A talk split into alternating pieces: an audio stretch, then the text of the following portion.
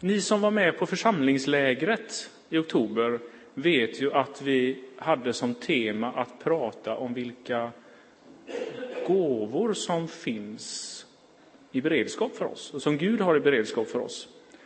Eh, vi vet att kartan och kompassen var viktiga delar i sökandet efter gåvorna. Och nu är det så här att temat för idag är ju, vi ska ju se tillbaka lite på det vi sa där, men också fortsätta eh, idag. Eh, fortsätta den här resan om gåvorna. Och upptäckarteamet som planerade eh, för, eh, på församlingslägret, vi fick i uppdrag att ta detta ytterligare ett steg. Så idag gör vi en liten repetition, men vi ser också framåt och temat är då idag hitta, pröva och bruka sina gåvor. Men innan vi sjunger tillsammans så tycker jag vi ber en bön för gudstjänsten.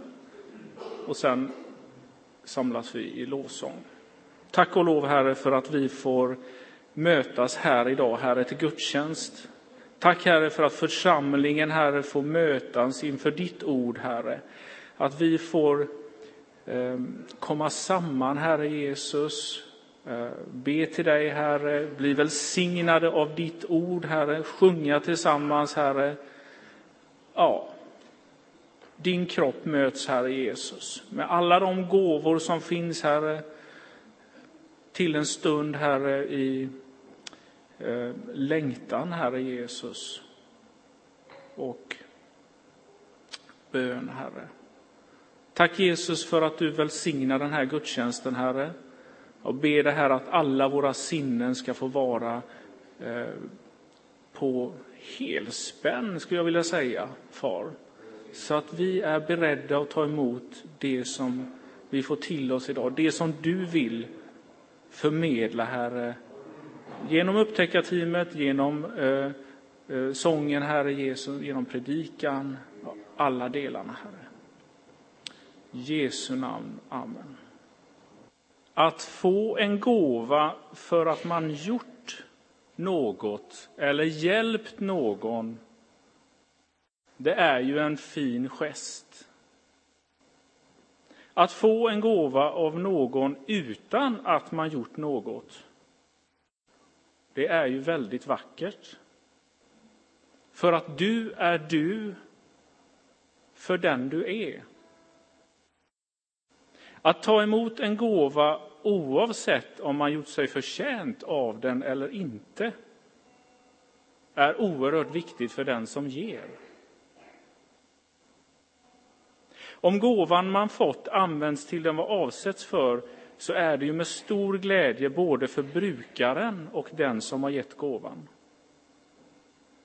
En gåva som inte används tenderas att hamna i skymundan med tiden. Den kanske till och med samla lite damm. Du och jag, vi har alla fått gåvor från vår Gud. De är mycket speciella. Det gläder inte bara brukaren och den som gett gåvan. Hela vårt liv är en upptäcktsfärd. När vi hade vårt församlingsläger i höstas så talade vi om några saker som var viktiga att upptäcka Eh, fyra olika upptäckter som vi kan göra. Första var att vi kan upptäcka mer av Gud. Om vi tänker så att vi har fattat Gud helt och hållet, vi har upptäckt allt och alla sidor av honom, då har vi nog inte riktigt fattat vilken resa vi har.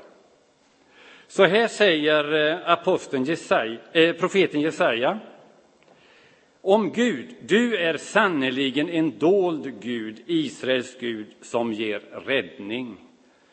Jag tror att Jesaja upptäckte det som jag och i stort sett alla givetvis upptäcker. Ibland så tänker man, nej men nu har jag förstått någonting av Gud. Så här är han.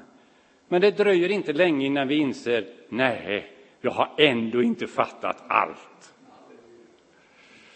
Gud är egentligen ofattbar. Men det är en sak som vi har en fördel gentemot Jesaja.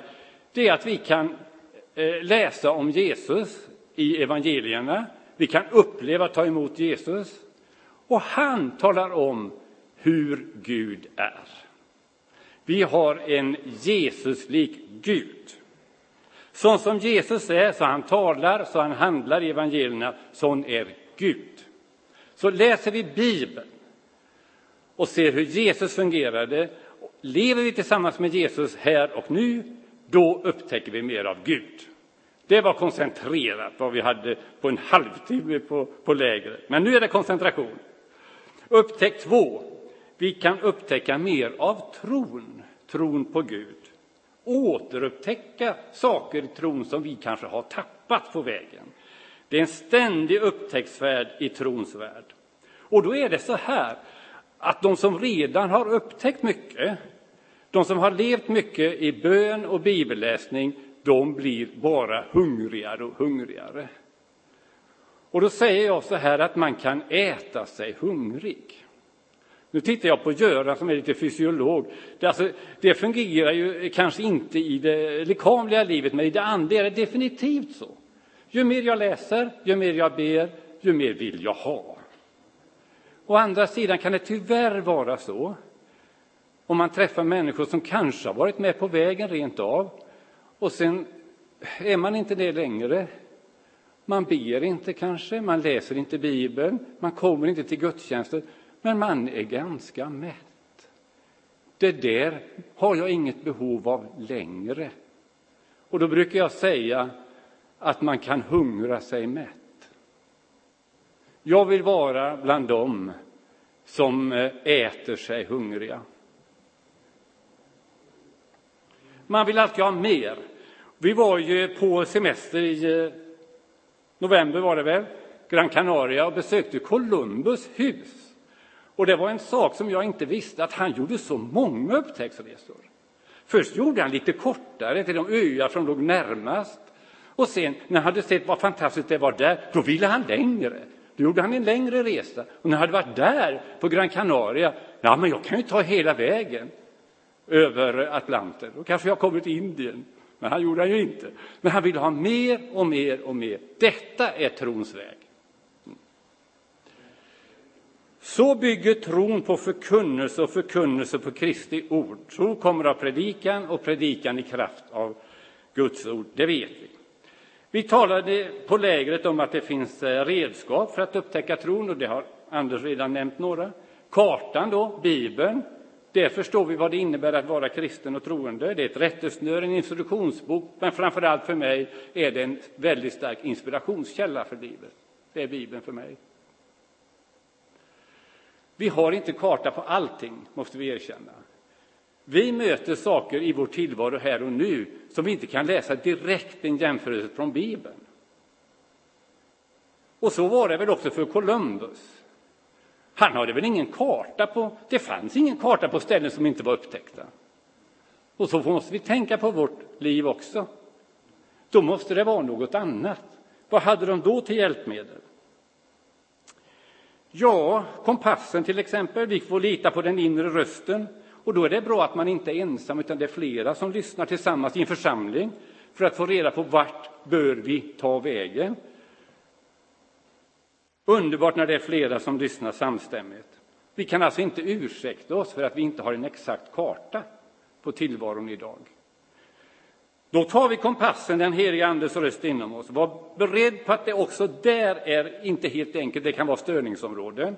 Och då vet ni som var på läget att jag berättade om utanför, där vi har vårt sommarställe, eh, Kållandsö, Ekens skärgård i Vänern. Där finns det ett område som heter störningsområde. Det betyder att där funkar inte kompassen, för det är något magnetiskt eh, material i, i eh, sjöbotten.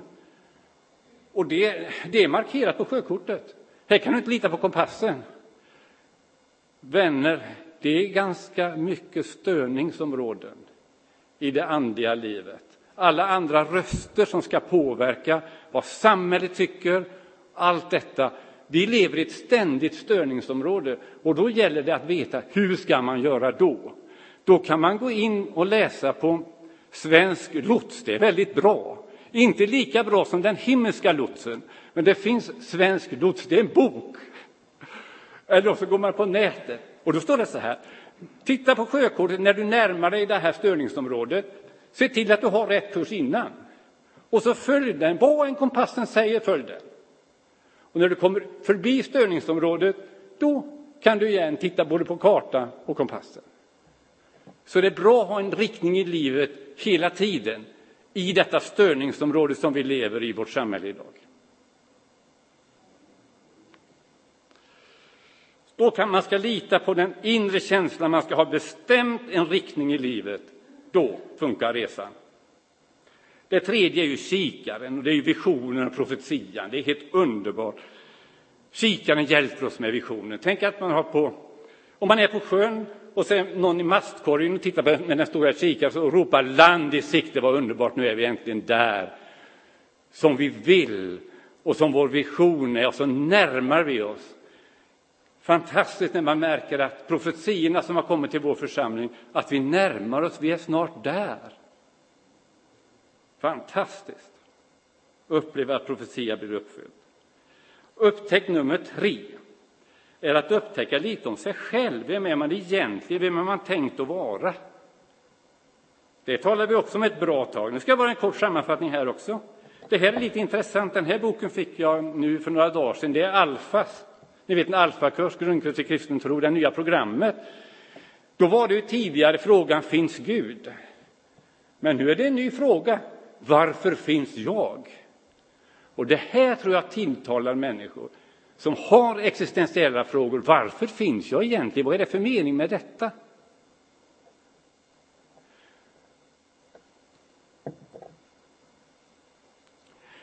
Jag fick höra att någon församlingsmedlem hade upptäckt en ny sida av mig för ett tag sedan. Och det var för att jag skrev de här församlingsmejlen. Och jag vet inte exakt vad det är för ny sida, men jag hoppas att det är en ganska bra sida. Jag kan inte veta säkert. Men annars säger man väl inte så kanske. Jag upptäckte en ny sida och så glad ut när hon sa detta. Och det är fantastiskt, man kan upptäcka nya sidor av sig själv också. Ja, och det kan bli en överraskning, till och med.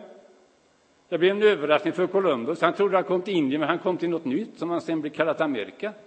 Ja, det är inte dumt. Och tanken med att vandra på trons väg är ju att man inte hela tiden ska förbli densamma. Man ska ju förändras och förhoppningsvis bli bättre rent av. Man ska utvecklas mer till Jesuslikhet. Och då är det den man umgås med, den blir man lik. Så vem ska ni umgås med för att bli lik Jesus? Självklart svar. Och man ska inte heller vara helt anpassad till samhället, för vi ska ju vara ett salt, ett ljus som visar på något annat. Anpassa er inte efter denna världen, utan låt er förvandlas genom förnyelse av era tankar så att ni kan avgöra vad som är Guds vilja, det som är gott, behagar honom och är fullkomligt. Och då betyder, ni vet ju att jag har sysslat med matematik i stort sett hela mitt liv, så jag gillar sådana här formler och sånt. Ja. Nu har jag en lite annorlunda formel här. Och det handlar om att detta att man inte ska vara politiskt korrekt. Politiskt korrekt, det förkortas PK, eller hur? Mm. I tidningar och så, man skriver inte skriver ut hela. Men det finns någonting annat också som förkortas PK, vad är det? Pingstkyrkan! Och då blir det så här.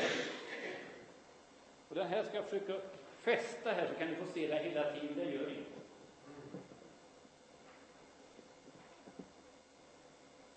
Det där tecknet där, det är inte ett likhetstecken, för det överstryker. Det betyder inte lika. Yes! Pingstkyrkan är inte politiskt korrekt och ska inte vara det.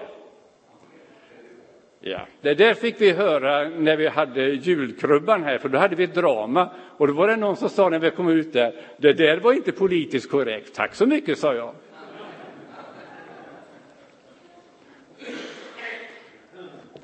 Sen är det huvudsaken, och det är, eh, eller huvud, huvuddelen för fortsättningen nu är ju gåvorna, som ni har sett illustrerat här med drama och allting.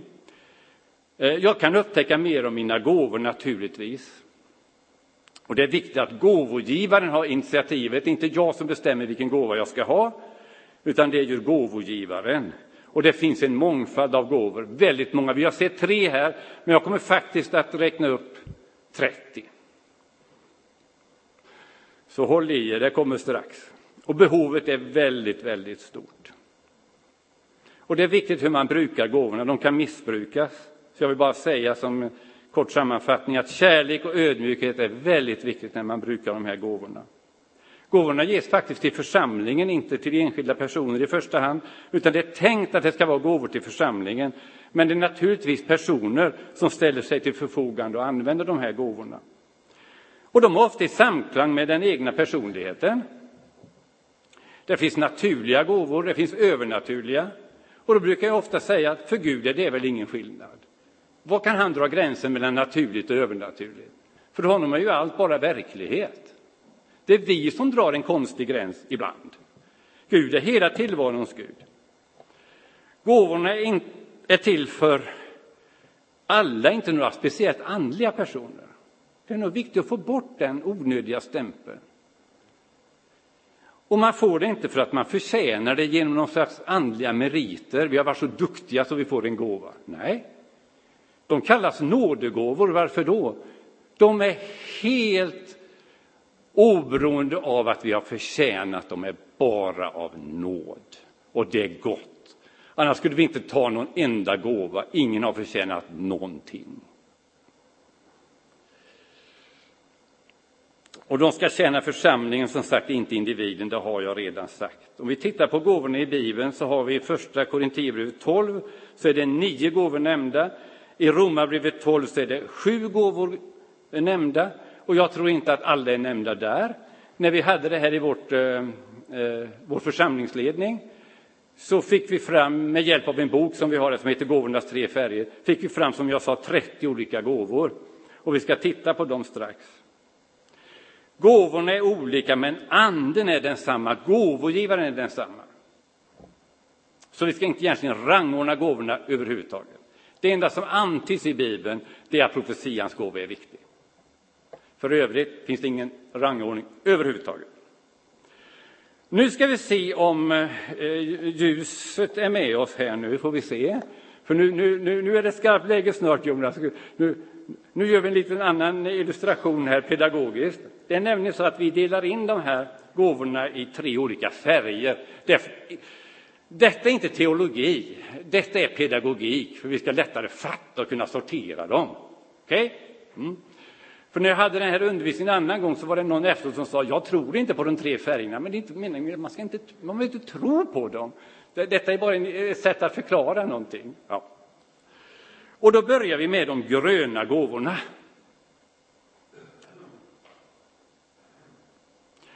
Och de handlar om Guds skaparsida.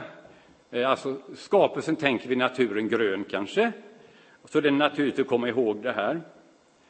Eh, vi delar också in det, om man så vill göra lite teologi av det, så är det Gud Fadern, Gud Sonen, Gud den helige Ande. Nu är vi på Gud Fadern då, skaparsidan, skaparguden.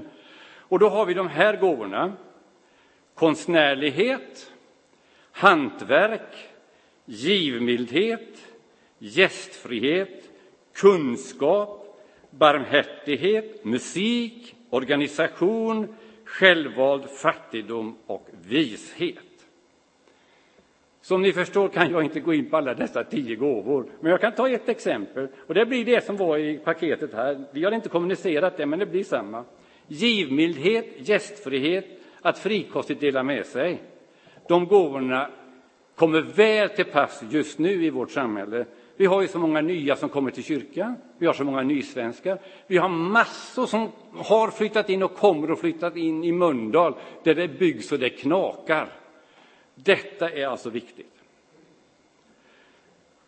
Vi går över till de röda gåvorna, ska vi se om fonden är med här och blir röd nu då. Så är, så är liksom den här pedagogiken. Tack Jonas. Rött kopplat till Jesus. Vi kan tänka kärlek, vi kan tänka blod, för att komma ihåg det, om ni så vill. Och det handlar om gåvor för att sprida det glada budskapet om Jesus. Apostel, själavård, evangelisation, hjälpsamhet, ledarskap, mission, tjänande, hede, att leva i celibat och undervisning. Det är gåvor som finns i det här fältet. Jag vill gärna ta evangelisation. Vi har några härliga evangelister som är på väg till Afrika här.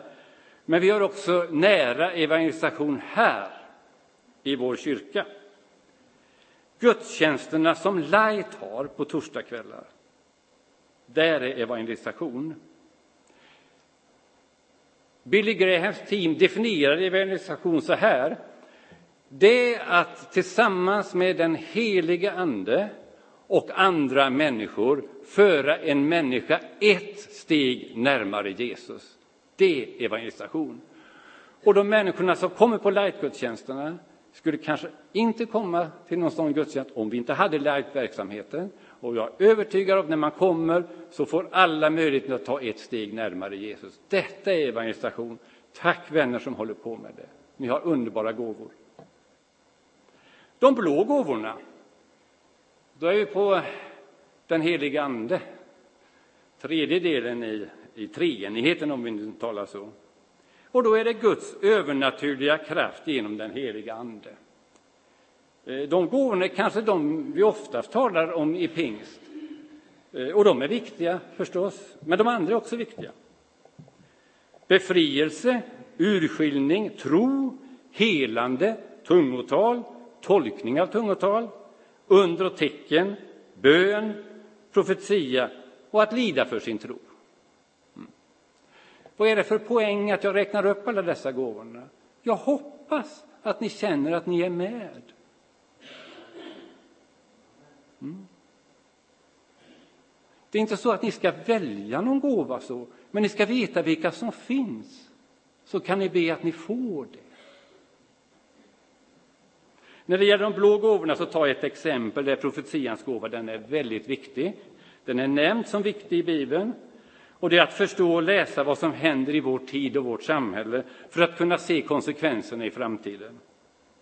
Det här är inte möjligt om man inte har en speciell gåva från Gud. Då klarar vi inte att se det. Det är många som försöker analysera, läser i tidningarna, framtidsvisioner och spaningar och vad det kan vara. Men för att göra det riktigt då, så tror jag man behöver den här speciella andliga utrustningen från Gud. Så vi behöver profeter idag som är modiga nog att föra Guds talan, att lyssna uppåt och tala utåt. Det är profetens uppgift. Nu kommer sista delen av den här färgpedagogiken. Och då är det så, ni som har sysslat med datorgrafik, jag tror ni vet att om man de här tre färgerna, RGB förkortas de ju på datorspråk. Om man kör dem tillsammans så blir det vitt. Så vit, alltså vitt då kan delas upp i de här tre komponenterna och även andra komponenter. Det är datorgrafik. Så finns nu då alla de här tre färgerna som gåvor i en församling, då blir det Tillsammans blir det vitt ljus. Om alla gåvorna finns i en församling kan vi stråla ut Guds himmelska klara ljus fullt ut. Så att människor ser det, de blir förvånade men intresserade och dras till församlingen. När vi nu lyssnar på valberedningens förslag kommer vi göra i eftermiddag så kommer vi att se att det är väldigt många av de här gåvorna som är nämnda nu som fungerar i församlingen. Och vi kan bara vara tacksamma till Gud för det.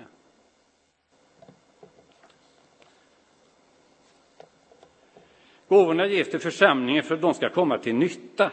Hos var och en framträder Anden så att den blir till nytta. Kan ni tänka er att Anden är så praktisk och målmedveten så Anden talar om nytta? Det är klart att det ska vara till nytta. Och dessutom stod det att det var var och en, så ingen kan smyga undan faktiskt. Om man ska tala klartext. Alla, var och en betyder alla, om jag fattar det språket rätt. Det vill säga, alla har möjlighet att få en sån här gåva. Och först, för att få gåvorna, talar Bibeln tydligt om att det väsentliga är att låta kärleken råda och söka kärlekens källa först. Söka Gud själv först. Så här står det ju. Sök vinna de nådegåvor som är störst. Och då ska jag visa er en väg som är överlägsen alla andra och den vägen är faktiskt kärlekens väg.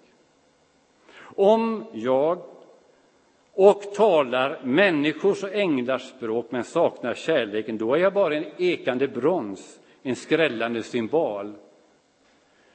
Och i första Korinthierbrevet 14 står det sträva efter kärleken. Men sök även att vinna de andliga gåvorna. Men det verkar som kärleken måste vara först. Sen kan vi börja söka gåvorna. Sen står det att vi ska vinna de andliga gåvorna. Ordet vinna är ju spännande, intressant, för det betyder att gåvorna är en vinst för gemenskapen och för församlingen och för samhället. Vi ska vinna de andliga gåvorna. Jackpot. Några tips för gåvoupptäckande och gåvoanvändning ska jag avsluta med. Och för att hålla mig inom den tid jag har fått så tror jag nästan jag måste följa vad jag har skrivit. Vi får hjälpa varandra att upptäcka gåvorna hos var och en av oss. Vi kan börja öppna gåvorna och använda dem. Se dem som gåvor som paket så här. Det har vi gjort i vårt ledarskap. Jag vet vilka manifesterade gåvor som de andra i ledarskapet upplever att jag har. Och det är en trygghet faktiskt. Sen vet jag också att jag har latenta gåvor. Eh, speciellt Anders här och min fru Ulla var ju med och hjälpte mig att upptäcka mina gåvor. För vi gjorde detta på riktigt för var och en. Svara på frågor och hade samtal och så. Så jag vet att jag har latenta gåvor. Som jag av någon anledning, kanske tidsskäl eller så, eller att jag har en viss tjänst i församlingen som gör att jag måste fokusera på de gåvorna som innebär den tjänsten. Men jag har också latenta gåvor som jag kanske någon gång skulle kunna få tjäna i. Det skulle vara underbart. Var inte rädda att uppmuntra varandra som vi gjorde här då i ledarskapet. Risken att någon blir uppblåst av det här, den är försvinnande liten, så det kan ni glömma att tänka så. Det existerar inte. Ett tips är att använda detta i husgrupperna. Om jag fattar rätt, Anders, så har ni gjort lite det i er husgrupp. Ni håller på med den här Gåvornas tre färger. Ja. ja. Jättebra. Då eh, är det ett föredöme kan jag säga. Och ni kan använda som sagt den här skriften. Den finns att få tag på om ni så önskar för att upptäcka gåvorna hos varandra i husgrupper. Det är lite enklare när man kanske inte är så många, man kanske redan känner varandra och så. Så är det faktiskt inte så dumt tips. Och sen är gåvogivaren viktig. Ta mycket tid eh, med honom, den helige Ande. Jag vet inte om jag har tid, men jag kanske ändå tar den tiden. Jag fick några julklappar, men den julklappen jag fick av Ulla, det är den som jag tycker allra bäst om. Och det är därför att vi har en så fin relation. Och det är klart att den gåva som man får av den som man har en fin relation med, den uppskattar man särskilt mycket. Också därför att hon hade faktiskt tänkt vad jag behövde och ville ha. Och det var en vindflöjel på sommarstället, för den som jag hade förut hade blåst ner, den som jag gjorde i, sko i, i skolan, och den, den fanns inte att hitta. Så en, helt enkelt en sån vindflöjel, är det en märklig gåva? Ja, det är det. Därför att hon förstod att det var det jag ville ha, och det är det jag hade saknat, och den som jag kommer att ha glädje av, och det är också en fisk, det är faktiskt en gädda. Eh, så den är väldigt speciellt och nära, nära mig, för jag fångar ju gäddor där. Eh, och den kommer också glädja alla andra fiskar, jag lovar, för det stället där vi har den vindflöjen är det bästa stället för att fånga upp vinden. Så alla fiskare där på spiken har sagt, var är laxen? För jag hade en lax förut. Vi vet inte vinden, nu måste sätta upp den. Jag har fått den gåvan av Ulla, att glädja mig, att glädja andra. Problemet är att jag inte har packat upp den än, men det får vi göra. Tänk efter vilka gåvor just du har som kan vara till nytta för församlingen. Be att Anden visar dig på sådana gåvor och hjälper dig att utveckla dem. Var inte rädd att pröva att utveckla dina gåvor. I en kärleksfull miljö får man möjlighet att misslyckas. Försöka igen och på så sätt växa i sina gåvor. Kort sammanfattning. Gåvorna är av nåd, gåvorna är för var och en, alla. Gåvorna är oftast i samklang med den egna personligheten. Gåvorna ska tjäna församlingen, inte individen. Gåvorna är många, naturliga och övernaturliga. Gåvorna kommer till dig genom att du umgås med gåvogivaren, den heliga Ande. Gåvorna trivs och utvecklas i en kärleksfull miljö. Låt oss hjälpas åt att upptäcka varandras gåvor. Låt oss hjälpas åt att få gåvorna hos varandra i bruk genom uppmuntran. Blås liv i de nådegåvor du själv har så att de kommer i funktion igen om de har en tynande tillvaro nu. Så kan det vara. Man får misslyckas och pröva sina gåvor igen. Be den helige Ande att han visar dig dina gåvor. Amen. Tack Herre för denna enorma mångfald det finns i det som du vill skänka till församlingen. Alla dessa gåvor, alla dessa tjänster som vi behöver för att fungera här och nu, för att utbreda ditt rike i Mölndal i denna tid. Herre, nu ska du hjälpa oss var och en att vi tar det här på riktigt, på allvar, att söka våra gåvor, de naturliga och de övernaturliga, att utvecklas i vår församling. Allt för att ditt rike ska utbredas. Amen.